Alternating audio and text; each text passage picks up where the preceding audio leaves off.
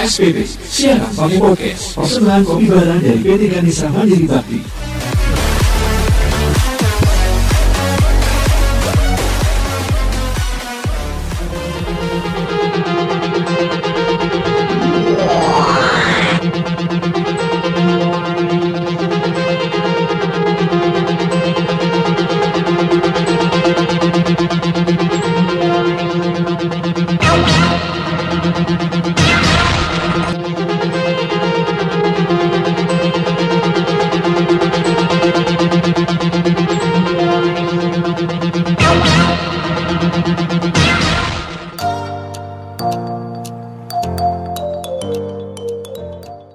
Semuanya, ketemu lagi dengan Dedi Sembara di SPP Siaran Pakai Podcast dan sekarang kita memasuki episode ke-8. Konten ini adalah konten persembahan dari PT Ganesa Mandiri Bakti, produsen kopi bara. Kalian bisa lihat kopi-kopi terbaik Nusantara di Instagram Kopi Bara Official. Yang kalian barusan dengerin tadi di awal podcast ini adalah cuplikan intro dari Dunia Dalam Berita. Sebuah acara di TVRI yang populer banget pada era 70-an kali ya, 70-an, 80-an, bahkan sampai dengan 90-an. Audio ini sangat-sangat historik guys, karena dulu ketika televisi swasta belum ada dan internet belum semerajalela sekarang, audio ini audio yang ditunggu-tunggu oleh jutaan rakyat Indonesia. Karena pada masa itu ada anggapan orang itu bisa cerdas dan bisa jadi pintar kalau dia dengerin dunia dalam berita yang tayang tiap hari di jam 9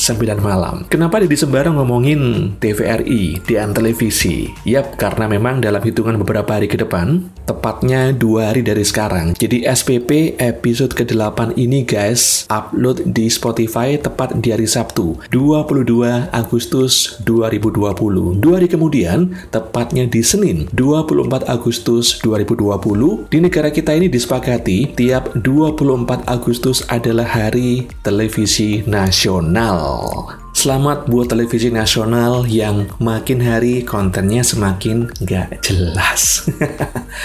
ya ini sebetulnya bukan sindiran, tapi ini adalah sebuah ungkapan perasaan yang sesuai dengan kenyataannya. Jadi ceritanya guys, kenapa kok televisi nasional itu tersepakati peringatannya di 24 Agustus tiap tahunnya? Karena berdasarkan sejarah, pada 24 Agustus itu lahir televisi Republik Indonesia yang secara sejarah terlahir di 24 Agustus 1962. Jadi TVRI usianya udah tuwir guys, nggak muda lagi. Jadi tepat di 24 Agustus tahun ini, televisi Indonesia usianya sudah 58 tahun.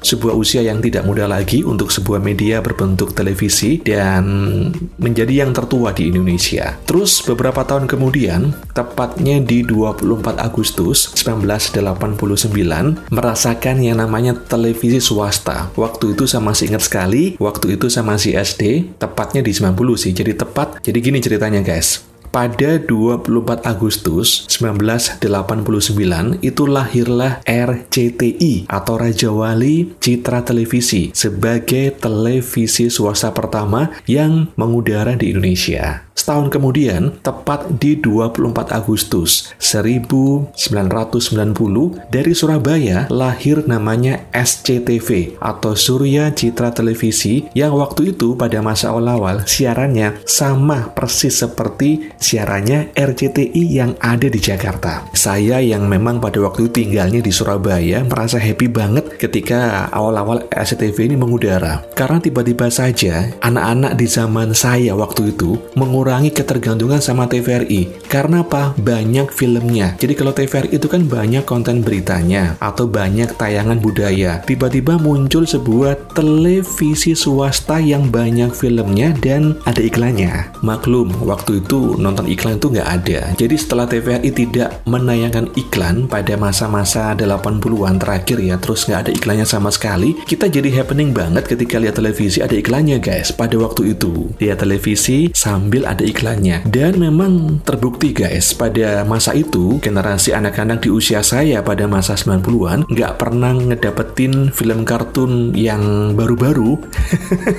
Tiba-tiba dapat film kartun baru-baru. Saya masih ingat itu ada film judulnya Transformers versi animasi pada masa itu. Ada serial Super Mario Bros dan paling utama serial Doraemon. Yap, Doraemon yang pertama kali mengudara itu di hari Minggu tepat di jam 12 siang pada waktu itu dan tayangnya seminggu sekali. Bayangin, untuk bisa ngedapetin Doraemon itu mesti menunggu seminggu sekali pada waktu itu. Sekarang di 2020, televisi udah nggak kehitung jumlahnya. Kenapa nggak terhitung jumlahnya? Karena televisi di negara kita ini jumlahnya luar biasa. Setelah mengudaranya RCTI pada 89 dan SCTV pada 90, di 23 Januari 91, televisi swasta ketiga yang secara konten waktu itu memang fokusnya ke pendidikan pendidikan. Makanya namanya TPI, Televisi Pendidikan Indonesia. Dulu ketika saya masih SD, teman-teman saya di sekolah dasar tuh sering kali memparodikan singkatan TPI ini sebagai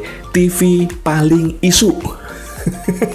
televisi paling pagi karena waktu itu televisi ini mengudaranya itu jam setengah enam guys jam setengah enam pagi paling pagi di antara yang lainnya dan konten utamanya memang pendidikan jadi waktu itu TPI itu setiap jam setengah delapan pagi sampai dengan jam setengah sembilan itu selalu ada si semacam film pendek lah yang menampilkan pelajaran-pelajaran di sekolah jadi sebelum era belajar di TV itu sekarang lagi tren karena ada pandemi corona TPI sudah mengawali guys pada tahun 91 dan mereka hanya siarannya di pagi hari. Malam nggak ada. Beberapa tahun kemudian akhirnya TPI bisa siaran malam dan sekarang tahu sendirilah TPI jadi apa. Semenjak di take over sama Om Haritanu pada awal 2010-an, TPI sekarang berubah jadi televisi dangdut. Yaitu ya sekilas beberapa televisi di Indonesia terus muncul Indosiar tahun 95. Setelah Indosiar itu muncul yang namanya Trans Group ya, ada Trans TV awalnya terus juga ada TV7 milik Kompas yang kemudian di take over sama di take over sama Trans dan kemudian jadinya dan kemudian berubah nama jadi Trans 7. Sebelumnya juga ada Metro TV yang menjadi televisi pertama di negara kita yang fokus pada konten berita. Lalu juga ada La TV Dulu sebelum berubah nama jadi TV One, itu namanya La TV. Itu milik dari seorang pengusaha dan juga seorang mantan menteri namanya Abdul Latif yang dulu katanya punya kekasih namanya Desi Ratnasari. Dia seorang kaya raya yang juga pernah jadi menteri di era kabinetnya Ibu Megawati dan ternyata beliau juga seorang yang punya televisi namanya La TV lalu berubah jadi TV One. Sekarang juga ada Kompas TV dan macam-macam lah. Saya sampai nggak inget ini ya karena maklum aja sekarang udah nggak pernah lihat TV guys nggak kayak dulu. Jadi kalau kita ngomongin ya peringatan Hari Televisi Nasional, eh yang baru-baru juga ada nih Net TV itu yang slogannya televisi masa kini yang sekarang juga udah nggak masa kini lagi. CEO-nya udah jadi menteri, sekarang juga nggak nggak masa kini kali ya. Jadi guys, di peringatan Hari Televisi nggak tahu yang keberapa ini ya, anggap aja tiap 24 Agustus kita memperingati Hari Televisi Nasional, harus kita akui konten-konten televisi sekarang udah nggak kayak dulu lagi. Saya nggak bicara tentang kontennya yang menghibur atau tidak, bermanfaat atau tidak, faedah atau unfaedah. Televisi sekarang harus diakui sudah tertinggal dengan konten digital bernama IPTV mungkin atau juga streaming semacam YouTube dan macam-macam. Ini juga yang membuat televisi sekarang isinya juga nggak jelas karena televisi sekarang sudah nggak bisa lagi menggunakan strategi bisnis seperti pada masa 90-an. Dulu guys, di awal 90-an, itu televisi rata-rata menyajikan film-film serial Amerika Serikat terbaik yang tayang di prime time. Tiap jam 8 malam dulu ada yang namanya 21 Jump Street, film seri yang pertama kali dibintangi sama Johnny Depp. Lalu juga ada Tour of Duty di hari Selasa, Rabu ada Night Rider, hari Kamis ada Airwolf, Jumat ada MacGyver, hari Sabtu ada Spencer for Hire, dan hari Minggu ada Mission Impossible The Series. Saya masih ingat inget banget ya, karena saya generasi televisi di awal-awal kemunculan era TV swasta. Sekarang udah nggak bisa lagi. Televisi nggak mungkin menayangkan konten-konten film seri Amerika Serikat di prime time. Karena pasti nggak balik modal. Beda dengan zaman dulu. Apalagi sekarang kalau kita ngomongin konten terbaik yang bentuknya itu seri televisi, udah masuk ranahnya Netflix dan teman-temannya. Ingat ya, dua minggu lagi kita segera bisa menyaksikan Disney Plus. Jadi jangankan bicara konten, bicara bisnis aja, televisi sekarang udah, aduh, udah nggak bisa lah, atau lebih tepatnya udah kesulitan untuk bisa bersaing dengan internet. Nah terus bagaimana lagi? Ya ada banyak cara sebetulnya. Satu kuncinya, depannya K atau inisialnya K. Apa itu? Kreativitas. Nah, kira-kira seperti apa nih kreativitas yang mesti dimunculkan televisi supaya bisa mendapat dan merebut kembali simpati rakyat Indonesia untuk menonton televisi? Saya punya ide-ide yang barangkali agak nyeleneh yang ingin saya sharing dengan kalian semua di bagian kedua episode ke-8 SPP edisi pekan ini. Sebelumnya saya ingetin juga ya, Kopi Bara punya yang spesial nih. Kopi Bara menyajikan kopi kopi terbaik Nusantara dan sudah meluncurkan kopi bara house blend edisi cerita rakyat. Ini yang terbaru. Karena kalau kalian ingin tahu Indonesia ini kan negara yang kaya akan budaya, termasuk cerita rakyat. Dan Kopi Bara meresponnya dengan menerbitkan Kopi Bara spesial edisi cerita rakyat yang bisa kalian lihat di Instagramnya di @kopibaraofficial. Ada banyak cerita rakyat yang diangkat dalam bentuk edisi tematis di kemasannya. Ada Sindelaras, ada Danau Toba, ada Jakarta Rup, ada Candi Prambanan, dan ada Sangkuriang. Ini merupakan inovasi guys dari Kopi Bara untuk tidak hanya menyajikan kopi terbaik Nusantara, tetapi juga menampilkan edisi terbaik tentang cerita rakyat dalam bentuk kopi. Seperti apa? Langsung aja buka Instagram at Kopi Bara Official. Saya kembali setelah kita simak pesan-pesan berikut ini.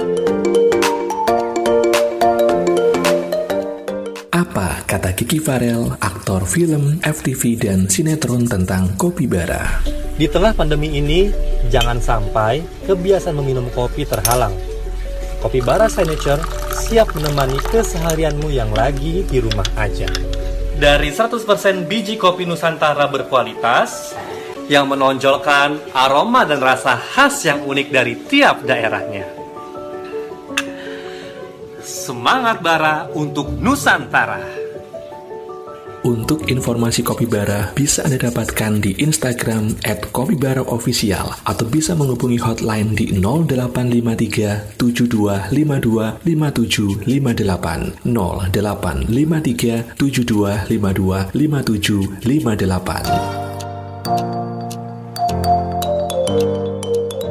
Masih di SPP siaran pakai podcast episode ke-8 di bagian kedua. Ini merupakan konten persembahan Kopi Bara dari PT Ganesa Mandiri Bakti. Bicara Kopi Bara juga ada promo nih guys, ada promo kemerdekaan beli dua dapat lima. Beli dua apa ini? Beli dua Barabin. Jadi Barabin adalah kopi kekinian persembahan Kopi Bara. Beli dua Barabin, kalian bisa dapat gratis dua rice bowl plus satu snack. Ini menu andalannya dari ground level Surabaya Surabaya. Buat kalian nih yang di Surabaya aja ada promo kemerdekaan beli dua dapat lima. Jadi beli dua dapatnya lima item. Beli dua barabin gratis dua rice bowl plus satu snack dari Ground Level Surabaya. Ground Level ini merupakan cafe kekinian juga yang ada di Surabaya dan ini merupakan cafe yang menyajikan kopi dari kopi bara. Jadi kalau kalian pengen tahu di mana lokasinya ada di Surabaya. Kalau mau kontak juga bisa bisa atau kalau mau follow dulu deh IG-nya di Ground Level Surabaya. Masih di SPP, siaran pakai podcast episode ke-8 yang pada episode ke-8 ini saya ngebahas tentang televisi. Pertepatan juga dengan Hari Televisi Nasional. Tahunnya kita peringati di 24 Agustus dan tahun ini jatuhnya di hari Senin, 24 Agustus 2020. Bicara televisi yang makin lama makin ditinggalkan pemirsanya, penontonnya meskipun juga masih ada tapi tidak sebanyak banyak era 90-an, harus ngapain nih televisi? Tentunya ada banyak cara. Paling utama, perlu yang namanya kekuatan modal dari sang pemilik. Televisi itu adalah industri padat karyawan dan juga padat modal. Untuk mendirikan sebuah stasiun televisi, itu sekarang memerlukan sebuah stasiun pemancar yang tersebar di seluruh Indonesia. Dan itu tidak murah investasinya. Televisi pertama di negara kita itu sudah punya itu sudah punya stasiun transmisi yang tersebar dari Sabang sampai Merauke dan TVRI sudah menginvestasikannya sudah puluhan tahun meskipun sekarang juga ya kontennya gitu-gitu aja nah sementara televisi swasta itu sekarang sudah terlanjur menginvestasikan tidak hanya miliaran bahkan sudah triliunan stasiun transmisi di seluruh Indonesia dan sekarang sudah nyaris kalah dengan televisi yang menggunakan platform internet atau IPTV. Sekarang ini ada banyak konten dari pemilik modal besar. Kita bicara di luar negeri dulu deh. Ada Netflix yang dia tidak perlu stasiun transmisi tetapi bisa menghasilkan sebuah bisnis layaknya televisi dengan menggunakan aplikasi di internet. Kita juga ada Apple TV milik Apple, ada juga Disney Plus milik Walt Disney Picture, ada juga HBO Go dan macam-macam. Yang itu semua tidak perlu yang namanya stasiun terestrial. Bahkan sekarang pun di lima benua itu kita nggak perlu investasi parabola seperti zaman dulu lagi. Kita sekarang cukup bisa menggunakan aplikasi bernama IPTV yang bisa kita install dan kita bisa lihatnya di smartphone. Terus bagaimana untuk menyelamatkan bisnis di televisi nasional kita? Kembali lagi, yang punya TV uangnya banyak atau enggak itu aja. Percuma kalau kita ngomongin televisi uangnya nggak banyak ya sia-sia aja. Yang paling utama adalah pemilik modalnya harus kuat. Dan kalau udah kuat, harus ada keberanian menjadikan televisi negara kita itu punya punya segmentasi yang jelas. Selama ini ada banyak televisi nggak jelas. Televisi A, B, C, D itu sama-sama muter sinetron, punya film juga, dan punya acara nggak jelas. Sementara kalau kita lihat di luar negeri itu segmented banget. Ada televisi yang menampilkan musik country di Amerika Serikat. Ada televisi yang 24 jam ngurusi pertanian. Ada televisi yang selama satu hari penuh itu cuma bicara tentang burung. Itu ada di Amerika Serikat. Di negara kita nggak ada. Karena apa? Nggak laku, guys. Dan kalaupun dipaksakan, pasti tutup dalam hitungan bulan. Karena modalnya nggak kuat. Nah, sekarang kebanyakan konten televisi masih belum segmented. Akhirnya, ya pemirsanya bingung. Bahkan juga belum ada televisi yang fokus pada sport. Ingat ya, setiap tahun yang namanya hak cipta sepak bola itu berpindah-pindah dari televisi A ke B ke C dan D. Sampai sekarang kita nggak tahu. Setelah TVRI itu menghentikan hak siarnya Liga Inggris, kita sekarang belum menemukan televisi terestrial mana yang menayangkan IPL musim 2020-2021 itu belum diketahui. Karena apa? Nggak jelas dan memang mahal hak siarnya. Makanya kita larinya ke televisi on demand. Ada Mola TV, ada Mola TV yang punya hak siar resmi selama 3 tahun, ada juga video yang punya hak siar UCL selama 3 tahun juga, macam-macam lah. Dan sekarang kita nggak bisa mendapatkan dengan gampang di televisi terestrial seperti masa-masa 90-an, sorganya sepak bola. Jadi harus ada apa? Segmentasi, kita belum ada. Jadi paling awal adalah kepemilikan modal yang harus kuat, kedua adalah segmentasi, dan paling utama yang ketiga ini, tidak hitung-hitungan. Televisi emang hidupnya dari iklan, tetapi kalau televisi banyak iklannya daripada acaranya. Ya udah buat aja televisi iklan. Gitu aja kok repot. Kan simple aja. Oke sekian dulu SPP episode ke-8 yang ngebahas tentang televisi dan sekaligus memperingati Hari Televisi Nasional 24 Agustus. Harapan kita semoga televisi Indonesia menjadi media yang tidak hanya menghibur rakyatnya tetapi juga mencerdaskan rakyat Indonesia dengan beragam konten yang berkualitas dan juga menginspirasi pemirsanya. Jadi sembara pamit, kita ketemu pekan depan dan jangan lupa kepoin terus Kopi Bara di Kopi Bara Official dan subscribe SPP persembahan Kopi Bara dari PT Ganesa Mandiri Bakti. Jadi sembara pamit, bye for now.